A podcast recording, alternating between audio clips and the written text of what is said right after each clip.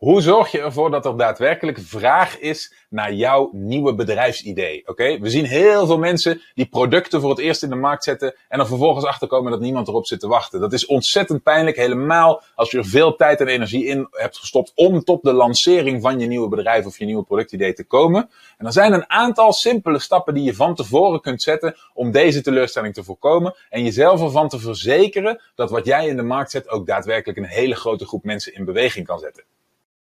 Dus je bent ondernemer en je ziet de enorme kansen die het internet biedt om je bedrijf te laten groeien. Maar hoe grijp je deze kansen? Wat moet jij doen om in de online wereld je bereik, impact en je resultaten te laten groeien?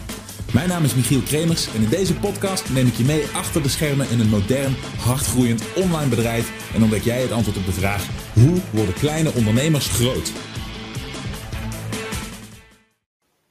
Hallo, mijn naam is Michiel Kremers. Welkom bij een nieuwe aflevering van de Online Omzet Podcast. In deze aflevering, zoals ik al zei, wil ik een aantal eenvoudige stelregels met je doorlopen die je kunt gebruiken om jouw eigen idee, jouw productidee aan te toetsen, om er zeker van te zijn dat daar vraag naar ontstaat. Oké, Dat er een markt voor is of er een markt voor komt. En dat is een heel belangrijke stap die, voor, die door zoveel ondernemers wordt overgeslagen. Ik word daar vaak mee geconfronteerd en het is best lastig, want ik krijg dan de vraag: waarom werkt mijn bedrijf niet? En als ik dan kijk naar wat voor een bedrijf het is, bijvoorbeeld wat voor een, een online bedrijf het is, dan zijn het dingen waar, dan zijn het dertien in een dozijn uh, bedrijfjes. En helemaal vandaag de dag is dit heel actueel geworden, omdat de toestroom van mensen die ondernemen op internet heel groot is. Maar die krijgen dat vaak aangeleerd uit hoeken waar uh, eigenlijk simpelweg gezegd wordt: hey, je kunt gemakkelijk geld verdienen via internet als je dit bewezen conceptje toepast. En dan hebben we het over dropshippers en coaching en webshops en dat soort dingen. En het probleem daarvan is niet zozeer dat, de, dat het medium, de vorm van ondernemerschap niet werkt. Het probleem is dat je iets doet waar al lang en breed hele goede oplossingen voor waren. Dus je concurreert met zeg, honderden, soms duizenden aanbieders in je eigen markt. En je kunt niet echt duidelijk maken aan jouw klant waarom jij een betere oplossing zou zijn, waarom het een goed idee zou zijn voor die klant om voor jou te kiezen. Want dat probleem, dat herkennen veel ondernemers. En daar heb ik zojuist een sessie over opgenomen. Je ziet het hier al achter me op het bord. En dat kun je voorkomen met een aantal simpele stelregels waaraan je jouw idee of jouw product of jouw bedrijf kunt toetsen. Dus laten we snel gaan kijken naar die opname. Ik kijk er erg naar uit om dat met je te delen. Vandaag heb ik een, ehm, een, uh, een belangrijk stukje theorie voor je liggen, omdat ik merk dat er. Hè, ik heb de afgelopen tijd weer veel nieuwe ondernemers gesproken en ik merk dat er een terugkerend thema is waar mensen mee worstelen. Dus ik heb het geprobeerd uh, inzichtelijk te maken aan de hand van dit overzichtje. Ik noem het vraagcreatie. Oké? Want wat is heel vaak de uitdaging van een ondernemer? Dat is uh, niet zozeer het ontwikkelen van een product, want dat is niet zo moeilijk, helemaal als je een beetje weet wat je doet. Het probleem is dat heel veel mensen de neiging hebben om producten te ontwikkelen in een richting waar helemaal geen vraag is. Oké? En vraagcreatie is misschien een beetje misleidend, want dat zou betekenen dat jij vraag maakt waar die in essentie niet is. Dat is niet helemaal hoe het werkt. Maar wat we doen met dit vraagcreatieoverzicht is we toetsen de producten die we in de markt willen zetten aan of we ze daadwerkelijk aan een hongerige doelgroep kunnen aanbieden. Oké? En een heel goed voorbeeld hiervan vind ik bijvoorbeeld Tesla. Oké? Op het moment dat mensen al auto rijden, op het moment dat er al honderden, zo niet duizenden aanbieders zijn van verschillende auto's, verschillende soorten auto's, verschillende merken, noem het allemaal maar op, dan heb je het heel erg moeilijk en heel erg zwaar als jij een nieuwe auto in de markt zet. Oké? Dus als jij een nieuw autobedrijf zou willen beginnen, een nieuwe producent zou willen worden van auto's, dan zou jij concurreren met al die andere automerken waar al heel veel mensen aan gewend zijn. Die mensen die, die kennen die merken, die mensen die weten wat ze eraan hebben, die mensen die kennen het voordeel en het probleem wat die auto oplost, namelijk van A naar B kunnen komen, oké? Dat, dat probleem verandert niet. Dus jij tackelt een probleem wat al door heel veel andere partijen is opgelost. Ik, ik schakel meteen even over naar een voorbeeld. Ik sprak afgelopen week iemand die had een webshop overgekocht.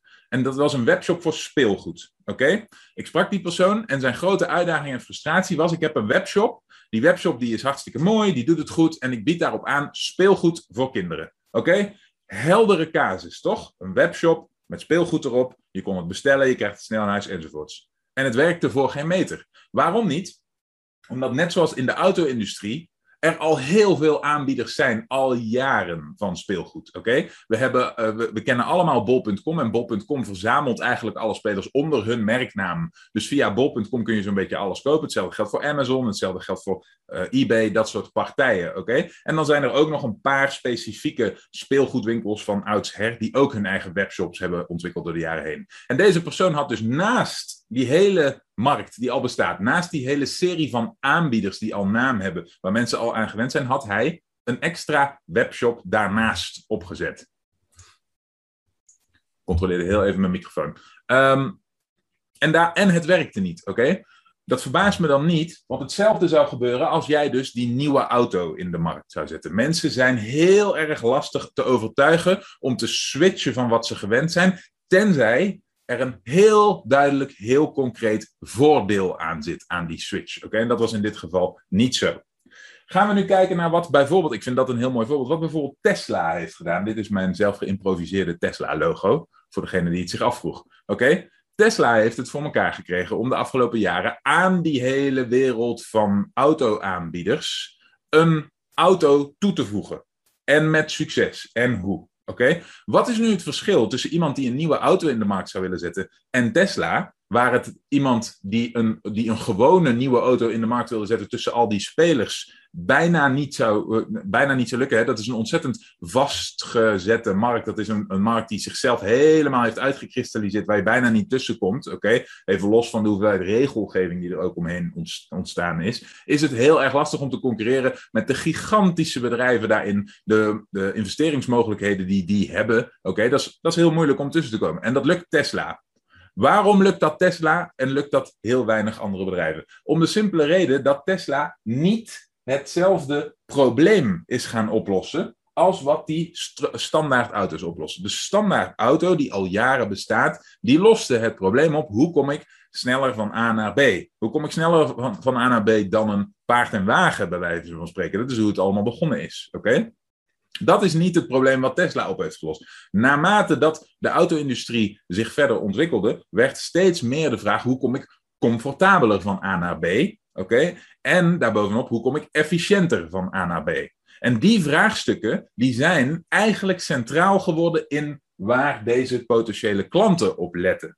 En wat heeft Tesla gedaan? Tesla is ingegaan op die bestaande punten en heeft ook nog een heel nieuw probleem getackeld. Nou, laten we beginnen bij het verbeteren. Het onderdeeltje efficiëntie en het onderdeeltje comfort. Zij hebben simpelweg gezegd: oké, als we willen dat mensen zich bewegen van wat ze gewend zijn in die auto-industrie, hè, eh, soms hele comfortabele uh, en ook steeds goedkopere auto's, als we willen dat mensen zich daarvan wegbewegen, dan moeten we zorgen dat de redenen dat ze auto's kopen, dat die in veel grotere mate aanwezig zijn bij ons dan bij onze concurrent. Dat is de reden dat ze begonnen zijn met hun luxe lijn, met hun meest uitgebreide en meest high-end product, de Tesla Model S. Oké, Dat is de, de premium car, zeg maar de executive car, zo zou ik het uh, moeten zeggen. En wat zij gedaan hebben, is zij zijn daar naast het feit dat ze die op het gebied van efficiëntie alle barrières hebben laten breken door hem elektrisch te maken en door, door de complexiteit van het probleem van elektriciteit in zulke mate opslaan in een auto dat je er echt een eind mee kunt rijden.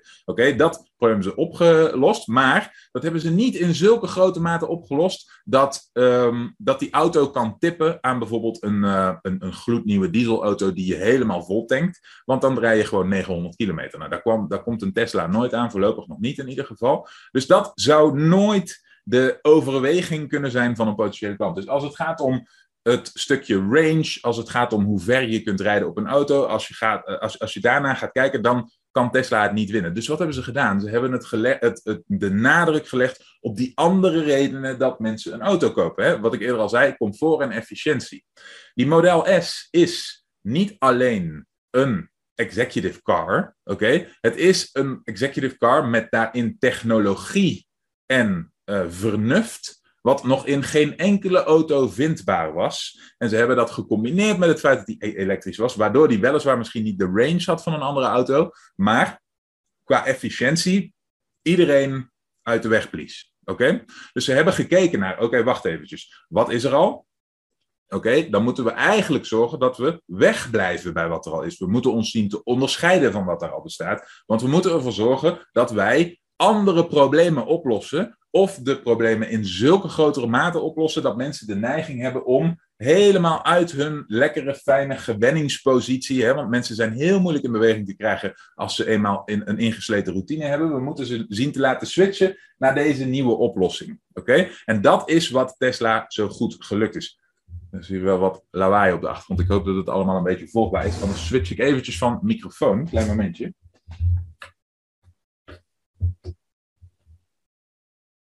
Dan hebben we daar geen last meer van.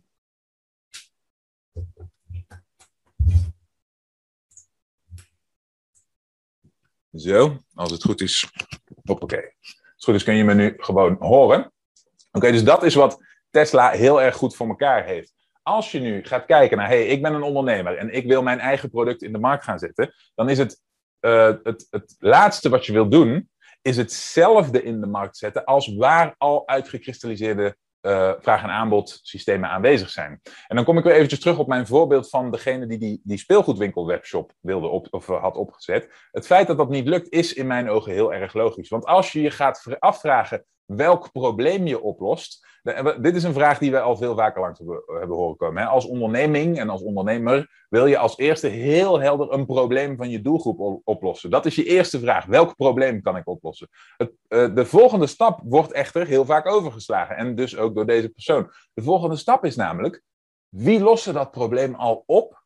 En hoe goed doen ze dat? En in hoeverre kan ik dat beter? Oké? Als de uitkomst van die uh, van die stelling is dat je het niet beter kunt, oké, dan krijg je het gewoon heel zwaar in zo'n markt. En dat zien we heel veel gebeuren, helemaal sinds er een soort, uh, een soort beweging is ontstaan waarin, uh, waarin zelfstandig ondernemerschap via internet een soort standaard is geworden voor een bepaalde groep mensen. Hè? Dus waarin het opzetten van je eigen digitale coachingspraktijkje en je dropshipping en al die dingen, sinds dat een, een movement is geworden, zie je heel veel mensen instromen in markten waar al lang een paar koplopers zijn, waar al lang een aantal main aanbieders zijn. En de uitdaging om een dropshipbedrijf op te zetten, een coachingpraktijkje op te zetten, een done-for-you service of advertising, uh, social media advertising bedrijfje op te zetten, dat is niet zo moeilijk.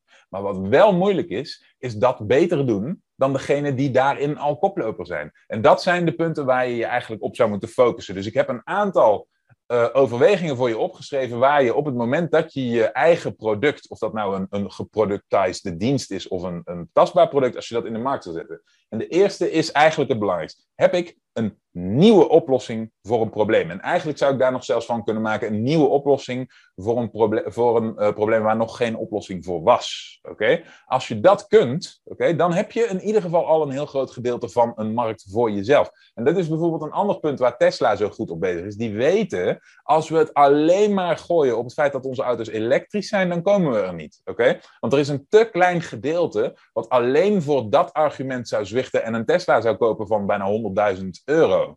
Oké, dus daar kunnen ze niet opteren. Dus wat hebben ze gedaan? Ze zijn, ze zijn gaan kijken naar, oké, wat zijn onopgeloste problemen in de wereld van, automo van, um, van de auto-industrie? En een van de antwoorden waar ze toen mee kwamen was, oké, een van de problemen is dat je zelf moet rijden. Een van de problemen is dat dat tijd kost, dat dat energie kost, dat je in de tijd dat je rijdt niet zoveel andere dingen kunt doen. Oké, dat je niet echt goed bereikbaar bent. En dat, uh, en dat het zelfs, omdat je de menselijke factor hebt, niet per se de meest veilige oplossing is. Dus wat ging Tesla doen? Die ging autopilot ontwikkelen, full self-driving ontwikkelen, wat allemaal nu om de hoek ligt en waarschijnlijk binnen nu een paar jaar uh, voor ons allemaal beschikbaar is. Dat zijn dingen die zij pushen, maar ze zijn dan de eerste, of een van de eerste, die dat doen. En wat krijg je? Dan krijg je een verschuiving van de originele probleemstelling van waarvoor dient een auto, dat die, die dient om van A naar B te gaan. Daarop willen ze niet concurreren. Oké? Dus zeggen ze, wat zijn andere problemen die al bestonden of ontstaan zijn in die wereld? En kunnen wij die oplossen of kunnen wij die beter oplossen dan een ander? Dus een nieuwe oplossing is altijd je eerste toetsing van, je, uh, van, van de haalbaarheid van een nieuw product.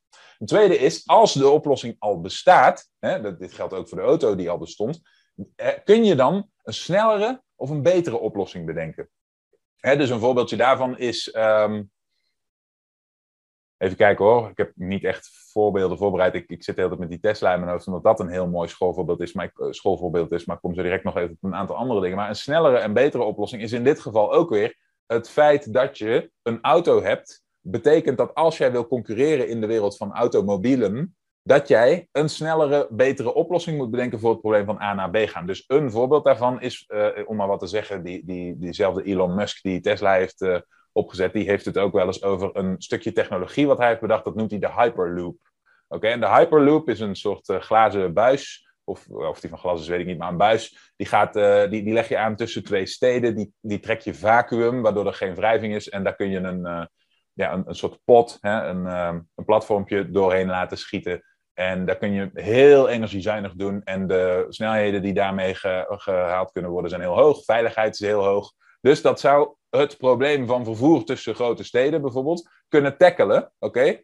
Zonder dat je er auto's voor nodig hebt, überhaupt. Zonder dat je er treinen voor nodig hebt. Dit is een volledig nieuwe oplossing. Een snellere, betere oplossing voor een specifiek probleem dan een auto. Dus je kunt zeggen: oké, een van de problemen is: auto's zijn bij wijze van spreken niet snel of goed genoeg om, of je hebt het limiet gehaald van wat die kunnen bereiken. Dus van um, Eindhoven naar Amsterdam rijden, dat kun je op een gegeven moment niet meer versnellen door je auto te verbeteren. Want je hebt te maken met files en je hebt te maken met snelheidslimieten. En je Dus daar, daar zit een limiet aan. Oké? Als je dan buiten de box denkt en je kunt dat probleem op een snellere, betere manier oplossen dan auto's, dan heb je weer een markt. Want dat is het probleem waar een groep mensen tegenaan loopt en een oplossing voor wil. Dus je creëert wederom een markt door op zoek te gaan naar hoe kan ik een bestaand probleem waar al een bestaande oplossing voor is, hoe kan ik dat sneller of beter maken. Oké? Volgende is de combinatie van problemen oplossen. Weer kom ik even bij Tesla, omdat het zo'n mooi voorbeeld is. Dan kom je weer bij, oké, we hebben, wacht even, we hebben het probleem van we moeten naar, van A naar B.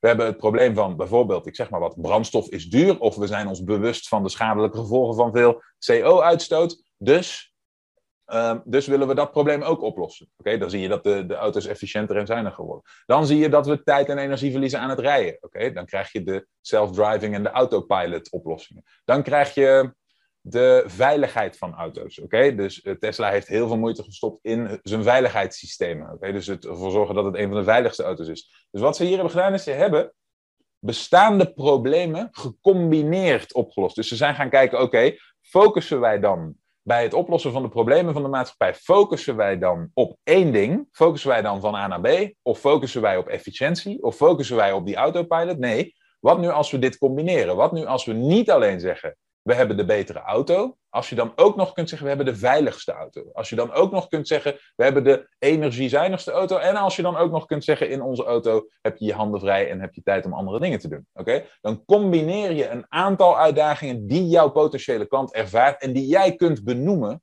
als verkopende partij. Waardoor de kans dat jij een doelgroep achter je weet te scharen en mensen zover weten te krijgen dat ze jouw product willen kopen, terwijl ze zoveel alternatieven hebben, terwijl ze zoveel traditionele keus hebben, maak je veel groter. Oké? Dus ook hier geldt weer dat idee van die, uh, van die speelgoedwebshop, vind ik ook weer een, een goede tegenhanger hiervan.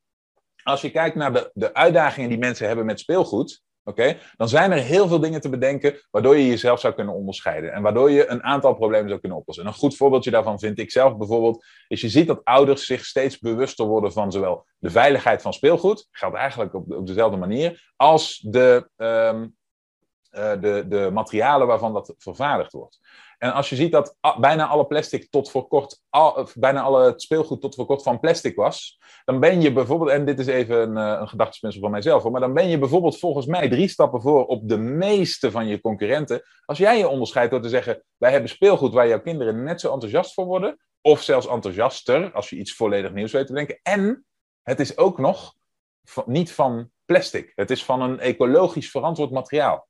En het is ook nog eens niet giftig, waardoor het niet uitmaakt als je peuter ermee aan de haal gaat. Oké, dus zie je hoe je hier begint met het combineren van het oplossen van problemen die jouw doelgroep heeft. Als je het dan in de markt zet, als je niet zegt, ik ben speelgoedwebshop nummer 525 in Nederland. Als je in plaats daarvan zegt, nee, nee, ik ben de allereerste aanbieder van uh, ecologisch verantwoord speelgoed. Ook nog iets gloednieuws als het even kan. En het is ook nog veilig, niet giftig uh, enzovoort. Oké? Dan ga je problemen combineren. Laat hier heel eventjes je creatieve brein oplossen en je komt met veel betere dingen dan de zoveelste standaard kinderspeelgoedwebshop. Oké, dus dat is nog een, voorbeeld. En de laatste is een goedkoper, uh, goedkoper een probleem oplossen. En er is een hele heldere reden waarom ik deze onderop heb gezet. Het is de minst belangrijke. Hij moet er wel staan, oké, maar het is de, de minst ehm, verstandige manier om als ondernemer na te denken over waar je vraag naar zou willen creëren, welk product je in de markt zou willen zetten. Oké, dus een voorbeeld hiervan is, ik zie wel eens, ehm, wel eens mensen in, in die coachingindustrie um, worstelen met het feit dat ze hun, hun, hun coachingspakketten of trajecten of uh, begeleiding niet verkocht krijgen voor de prijs die ze er eigenlijk voor zouden willen hebben. Dat is een, een veel voorkomend thema. Ik zie dat veel gebeuren. En wat je, wat je dan vaak ziet als eerste reactie is dan proberen ze het goedkoper te maken. Dus dan proberen ze onderaan die markt te gaan en dan proberen ze hetzelfde te doen, maar dan voor de helft van het geld bijvoorbeeld. Dit, dit is natuurlijk iets waar je jezelf enorm mee in je vingers snijdt. En het is een ander verhaal, oké, dat is de reden dat ik hem hier heb staan. Het is een ander verhaal als jij een bepaald product Oké, wat al bekend is, waar, waar vraag naar is in een markt. Als jij het productieproces daarvan, oké, het maken daarvan, het aanbieden daarvan, alles wat daar achter de schermen gebeurt, van inkoop tot en met lancering, als jij de kosten daarvan zo weet te drukken, als jij het zoveel efficiënter weet te doen dan je concurrenten, dat je een significant verschil in prijs kunt maken, zonder dat de kwaliteit en de uitkomst, hè, het probleemoplossend effect ervan, vermogen ervan, afneemt, dan heb je wel iets in handen. Dus stel dat jij morgen een automerk, een nieuw automerk in de markt zou willen zetten. Dan zei ik al, dan heb je het heel moeilijk, want dan concurreer je met de gevestigde orde. Vandaag de dag ook nog met elektrische auto's. Maar als jij het productieproces van een hele, eh, van een hele auto, de hele lijn, van begin tot eind, zo ongelooflijk efficiënt zou weten neer te zetten. Dat jij in plaats van zeg maar een beetje de onderkant van de markt begint een beetje bij de 5000 euro tot 10.000 euro voor een nieuwe auto. Ik geloof dat de allergoedkoopste auto's een beetje in die range zitten. Als jij zegt, nou, ik weet een auto op de markt te zetten, gloednieuwe auto voor 1000 euro, die qua kwaliteit en prestatie niet onderdoet aan het gemiddelde, oké, dan heb je iets interessants. Maar als je in plaats daarvan zegt, nou, ik weet een auto marginaal goedkoper te maken dan de rest, en dan moet ik ook nog heel veel inleveren op het feit dat ik overal kosten op moet besparen, dan, dan doe je het niet goed. Dus ik wil die, um, die overweging wil ik heel helder maken. Het gaat hier dus niet om dat jij simpelweg je marge inlevert, je prijs zo ver mogelijk drukt, terwijl je eigenlijk hetzelfde doet als je concurrenten. dit zie je in de coachingsindustrie gebeuren met mensen die uurtje factuurtje werken, hun eigen tijd verkopen. En dan gaan nadenken, oké, wat heb ik in een maand nodig? Hoe laag kan ik gaan zitten voor ik mezelf in de vingers snij? En sommige mensen gaan zelfs dan nog eronder zitten om maar wat klanten binnen te kunnen halen. Dat, dat is niet sustainable en dat is geen gezond ondernemerschap. Maar als jij het proces van het aanbieden van jouw product zo goedkoop weet te maken dat je dan alsnog winstgevend kunt zijn, wordt het een ander verhaal. Want dan heb je daadwerkelijk een voordeel te bieden in de vorm van prijs aan je potentiële klant. Dus dit zijn de punten waar je op moet letten op het moment dat je een product in de markt zet en je afvraagt hoe je voor vraag kunt zorgen, hoe je vraag kunt creëren.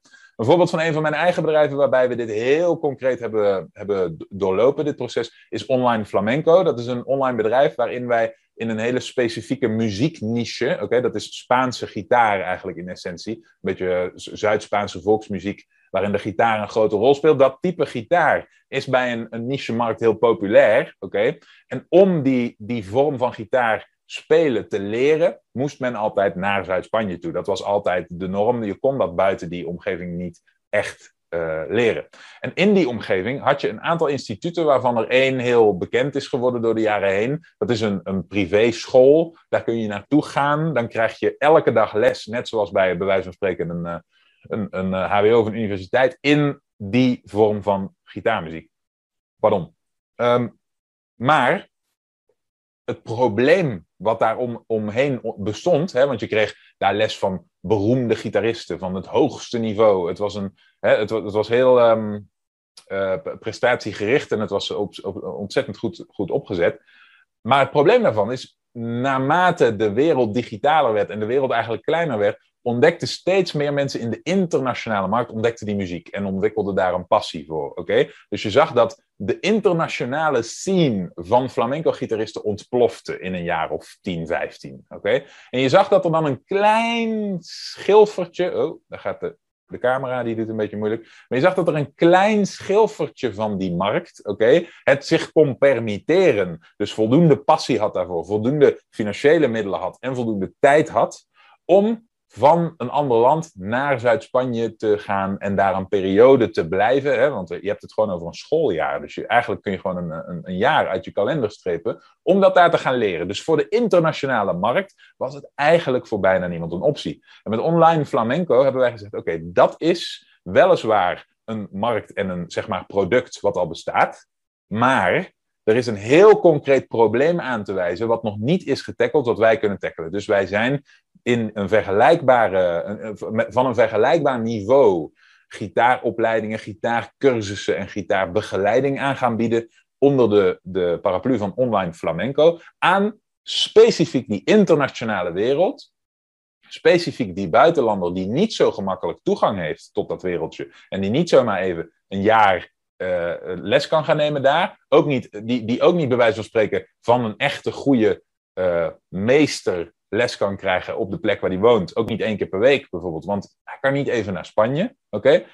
De, de, de internetinfrastructuur van dat wereldje, het is een heel traditioneel wereldje, loopt heel erg achter. Dus wij hebben dat probleem getackeld. Net zoals dat Tesla heeft gezegd voor de auto. hey, de auto bestaat al wel, hij gaat al wel van A naar B. Maar er valt wat er valt meer uit te halen, oké? In, in termen van efficiëntie en self-driving en comfort en technologisch vernuft. Datzelfde hebben wij gedaan met de online flamenco-lessen. En we hebben daar, we zijn bezig met daar een hele opleiding van te maken. Dat is omdat we daarin een markt hebben, die al bestond, oké, die veel groter is dan wat nu wordt aangesproken en die simpelweg voor het oprapen ligt voor degene die, die het probleem van afstand, fysieke afstand, weet op te lossen zonder niveau en kwaliteit te verliezen. We zijn uh, heel veel bezig met, met het oplossen van problemen in dat bedrijf. En, en de, de problemen waar we ons keer op keer in vastbijten zijn dingen als hoe waarborg je kwaliteit bijvoorbeeld. Dus hoe krijg je het voor elkaar dat iemand die normaal gesproken op locatie zou zijn en les zou krijgen van een, een topmeester in de, in de muziek. Oké?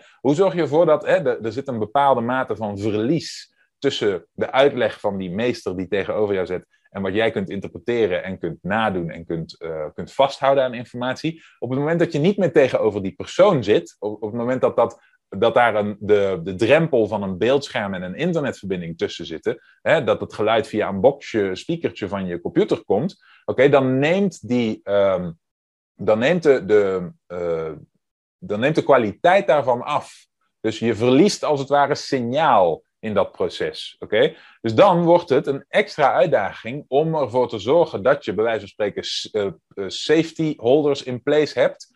Om ervoor te zorgen dat je zoveel mogelijk van die waarden kunt bewaren. En ervoor kunt zorgen dat die alsnog bij die student terechtkomt. Oké? Dus wat je eigenlijk wil doen, is je wil zo dicht mogelijk komen bij hoe het zou zijn als die, die student één op één tegenover die leraar zat. Zonder dat je dat daadwerkelijk doet. Maar met, een, met de barrière ertussen van een, een computerbeeldscherm en een internetverbinding en een, een digitaal geluidssysteem. Dat zijn dingen waar we dan veel over nemen. Nou, waar kom je dan mee? Dingen als um, een les is niet eenmalig, um, is, is niet een, een eenmalig iets, wat het normaal gesproken wel zou zijn als jij in een les zou zitten op die school in Zuid-Spanje. Dan zou je eenmalig de informatie tot je nemen. Dan zou je dat uh, snel uit je hoofd moeten leren. Soms uh, mocht je het nog wel eens opnemen met een uh, telefoontje, maar veel van die docenten die staan dat niet toe. Nou, dat zijn dingen die wij hebben overkomen. Dus wat krijg je dan? Ook al is een les, ook al is de, de, de informatie, het informatieverlies als, als informatie uit een les bij jou terechtkomt iets hoger, als jij vervolgens toegang houdt tot die les, omdat het een digitale opname is, die jij meerdere keren kunt volgen, meerdere keren kunt bekijken.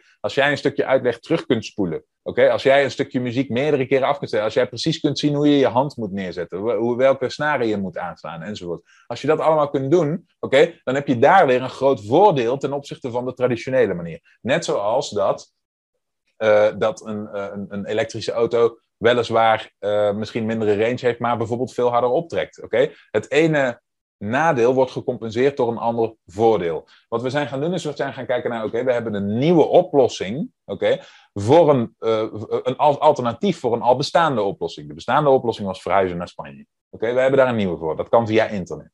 Een snellere en betere oplossing hebben we in de zin van dat jij um, niet meer zelfs in de meest microvorm, stel dat jij in dezelfde stad woont in Zuid-Spanje als jouw uh, gitaardocent, dan moet je er nog steeds naartoe.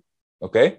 Je moet er nog steeds naartoe. Je moet nog steeds tijd vrijmaken. Je moet vertrekken vanuit huis, de reis maken, aankomen, even kletsen voordat je gaat zitten, je gitaar uitpakken, eh, misschien een kopje koffie drinken met die persoon. Dus de efficiëntie en de snelheid daarvan is niet optimaal. Op het moment dat jij een les opneemt, hè, als wij dat doen binnen Online Flamenco, dan is vanaf het moment dat, het, dat die gaat lopen, die les, is meteen alles is 100% uh, informatiedichtheid. Oké? Het is allemaal teaching, meteen, vanaf dat moment. Dus de, de uh, leerling heeft de vrijheid, de keuze om te zeggen: ik druk nu op die knop. De snelheid en de verbetering daarvan is aanwezig. Dus ook hierin hebben we een, eh, een, een, oplossing geformuleerd. En dan de combinatie van problemen oplossen. Dit is een hele belangrijke voor online flamenco. Naast het feit dat we het digitaal mogelijk hebben gemaakt, hebben we ook nog heel specifiek ons gericht op wat nu als jij in een buitenwijk van Toronto woont in Canada. Wat nu als jij uit Nieuw-Zeeland komt, of wat nu als jij uit een uh, vergeten provincie van China komt? Oké? We hebben heel specifiek het probleem aangepakt van buitenland. Dus naast het feit, en dit is een leuk detail, zoals je hoort, ik vind het leuk om daarover te vertellen, maar een, um, een van de dingen die we wilden tackelen is, en daar, daar staan veel van, deze, van, van, de, van de vroegere oplossingen nog niet eens bij stil, is als je naar die, dat instituut ging, als jij het voor elkaar kreeg om te emigreren voor een jaar en in Zuid-Spanje te gaan wonen en naar die school te gaan, dan waren alle lessen nog steeds in het Spaans. Oké. Dit is zo'n detail waar volgens ons nog niemand echt een oplossing voor bood in die markt toen wij daarin stapten. Dus wat zijn wij gaan doen? We zijn al die lessen gaan ondertitelen. Dus we zijn ook de eerste partij die een volledig curriculum aan een hele specifieke uh, gitaarvorm aanbiedt. Oké. En dan ook nog volledig beschikbaar in het Engels. En je kunt je voorstellen, in ons achterhoofd zit al dat omdat we de basis hebben met al het materiaal vertaald naar het Engels, kunnen we heel gemakkelijk nu de stap maken naar het vertalen van diezelfde ondertitels naar andere talen. Dus wij kunnen daadwerkelijk globaal dit verhaal gaan aanbieden, waar de, uh, waar de markt waar dit, dit hele verhaal vandaan komt, Zuid-Spanje, dat zelf niet eens zou kunnen. Oké, Of misschien een hele erg uitzonderlijke situatie dat een een, uh, een gitaardocent of iemand in die richting uh, meer dan één taal spreekt. Maar dat komt niet zoveel voor. Dus ook daar hebben we weer gekeken naar, oké, welke problemen kunnen we combineren en oplossen? Oké?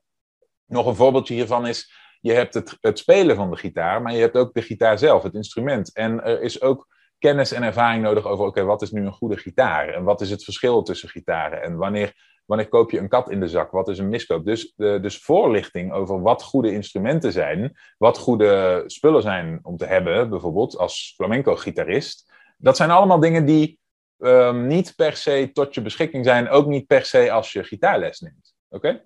Dus ook dit zijn dingen die we zijn gaan aanbieden. En vervolgens goedkoper een probleem oplossen. Dit is ook weer iets omdat wij op een gegeven moment. De, de, de, is ook wel bekend als de economy of scale. Omdat wij op een gegeven moment die niche niet alleen maar lokaal, zoals, in, zoals de Zuid-Spaanse flamenco-gitaarschool dat kan, kunnen aanspreken. Nee, wij kunnen globaal die niche aanspreken. Dus de hoeveelheid betalende klanten is voor ons veel groter. En daardoor kunnen wij, en de inkoop is, is hetzelfde. Hè? De docent moet betaald worden, die moet betaald worden voor iedere les die hij doet. Maar omdat wij dat materiaal kunnen hergebruiken en omdat wij dat op veel grotere schaal kunnen aanbieden aan veel meer leerlingen, kunnen wij de kosten per transactie drukken. Dus wij kunnen gaan kijken, oké, even, even nu niet meer kijken naar wat moeten wij vragen voor een bepaalde, uh, voor, een, voor een, bijvoorbeeld een, een opleiding van een jaar, hè, of een, student die een jaar ons materiaal volgt. Wat moeten wij daarvoor vragen om het hoofd boven water te kunnen houden, hijgend en puffend? Oké, zoals bijvoorbeeld een instituut op locatie zou moeten doen. Die moet echt gaan kijken, we kunnen misschien 100 leerlingen uh, kwijt in een jaar. En ja, dat is niet zoveel. Dus moeten die leerlingen allemaal want ze moeten al die docenten betalen. Dus al die leerlingen moeten een relatief hoog bedrag betalen. En dan kun je zeggen, oké, wij kunnen op schaal opereren. Dus wij kunnen gaan kijken, niet zozeer wat hebben wij nodig, want dat, die grens is vrij snel bereikt. Maar hoe kunnen we er dan voor zorgen dat de prijs in verhouding tot de alternatieven die er zijn, ook nog echt substantieel lager is? Oké, dus weet je nog, als, wat ik al zei, als jij een auto voor 1000 euro, een gloednieuwe auto in de markt weet te zetten, dan krijg je mensen die in hun, in hun, hun patronen vastgeroest zijn wel wakker geschud. En dan heb je kans dat die overstappen. Nou, zo geldt dat ook voor ons. Dus wat wij nu merken met het bedrijf is dat omdat we zo substantieel veel goedkoper kunnen zijn, terwijl de kwaliteit vergelijkbaar of zelfs beter is dan de, de traditionele aanbieders, hè, krijgen we zelfs mensen uit die regio die juist wel de optie hebben om naar zo'n instituut te gaan of naar een lokale meester te gaan voor lessen. Zelfs die mensen krijgen wij nu aan boord. Simpelweg omdat we echt substantieel goedkoper zijn. Oké? Omdat ze echt niet. We, we, praten niet meer over 20 tot 50 euro per uur voor een lesje. Oké? Dus, en dat is wel waar het in die, in die markt normaal gesproken in de traditionele manier om gaat. Je hebt het dan eerder over een paar euro per les omgerekend. En dan is ook nog een les die jij behoudt. Dus je kunt daar ook nog vaker dan één keer gebruik van maken. Dus even een, uh, een, een, voorbeeld van hoe wij dat in een van mijn bedrijven hebben, uh, hebben opgepakt. En hoe wij daarover hebben nagedacht. En hoe we heel erg gefocust hebben op de creatie van vraag. En hoe je ervoor zorgt dat dat dus uh, geen probleem is. Ik, ik, vind het heel belangrijk dat je in je achterhoofd houdt, als je voor je eigen bedrijf, je eigen initiatief gaat kijken naar, oké, hoe moet ik dit in de markt zetten, dat je niet zozeer denkt, oh jee, ik ben niet nieuw, ik ben niet disruptive zoals Tesla dat is of zoals Online Flamenco dat is. Probeer simpelweg oplossingen te bedenken voor deze vier stellingen. Dus als jij bijvoorbeeld, ik zeg maar wat, een, eh, een coachingsbedrijf hebt voor uh, mensen die uh, stressgevoelig zijn, oké, probeer dan niet alleen maar te doen wat al die andere coaches al doen, namelijk allerlei leuke oefeningetjes bedenken en iemand bij de hand nemen en ervoor zorgen dat hij geen stress meer heeft. Probeer dat op een of andere manier uniek te maken en probeer na te denken over, oké, wacht even. Wil ik nu maar één kernprobleem oplossen? Zijn er combinaties te bedenken van problemen die ik in één keer kan oplossen? Kan ik de oplossingen die al bestaan zo ongelooflijk veel sneller of beter maken dat, mij, dat kiezen voor mij een logische stap wordt voor mensen dan kiezen voor mijn concurrent? Uh, kan ik een aantal verschillende problemen, wat ik al zei, hè, oplossen? Kan ik bijvoorbeeld het verminderen van stress uh, combineren met veel efficiëntere tijdsmanagement. Hè, ik, ik verzin dat zomaar, waardoor mensen veel meer vrije tijd krijgen, zomaar. Uh, of kan ik het echt zoveel goedkoper inregelen? En dat geldt meestal niet. Oké, dus dat, dan moet je even. Dit is een gevaarlijke. Maar kan ik het zoveel goedkoper inregelen? Dus inkoop, uh, het aantal uren wat erin gaat zitten. Dat ik het echt voor een veel lager bedrag kan doen. Terwijl de kwaliteit, het eindproduct hetzelfde blijft. Dus dit is het overzichtje daar wilde ik uh, vandaag uh, graag met je induiken. Dus ik hoop dat je daar wat aan hebt gehad. En ik uh, zie natuurlijk heel graag de effecten hiervan terug. Oké, zoals je zag zijn er een aantal dingen heel erg belangrijk om je bedrijf aan te toetsen. Je ziet ze hier nog een keer staan, die vier stelregels, waarvan de belangrijkste eigenlijk is dat je een idealiter nieuw nieuw probleem oplost of een nieuwe oplossing voor een bestaand probleem. En waarbij de minst belangrijke is het concurreren op prijs. Al kan dat ook een oplossing zijn. Als je nou bij jezelf denkt, hey, hier had ik nog helemaal niet bij stilgestaan. Dit is een van die obstakels waar ik tegenaan ben gelopen op mijn, uh, mijn reis als ondernemer. En ik merk dat er veel dingen anders werken dan ik dacht. En als je bij jezelf denkt, daar kan ik wel wat hulp bij gebruiken. Dat is wat wij doen met mijn bedrijf Online Marketing Solutions. En misschien is een van mijn trajecten dan een oplossing voor jou. Ga dan in dat geval naar onlineomzet.com slash interesse. En daarop kun je zien wat we voor elkaar kunnen betekenen. In de tussentijd zie ik je natuurlijk heel graag terug in de volgende sessie. Bedankt voor het luisteren. Heb je iets aan deze aflevering gehad of heb je een vraag? Laat het me weten via de comments. En vergeet niet te abonneren. Dan blijf je op de hoogte van alle tips en strategieën waarmee jij als moderne ondernemer groot kunt worden. Voor een overzicht van alle afleveringen ga je naar onlineomzet.com/podcast.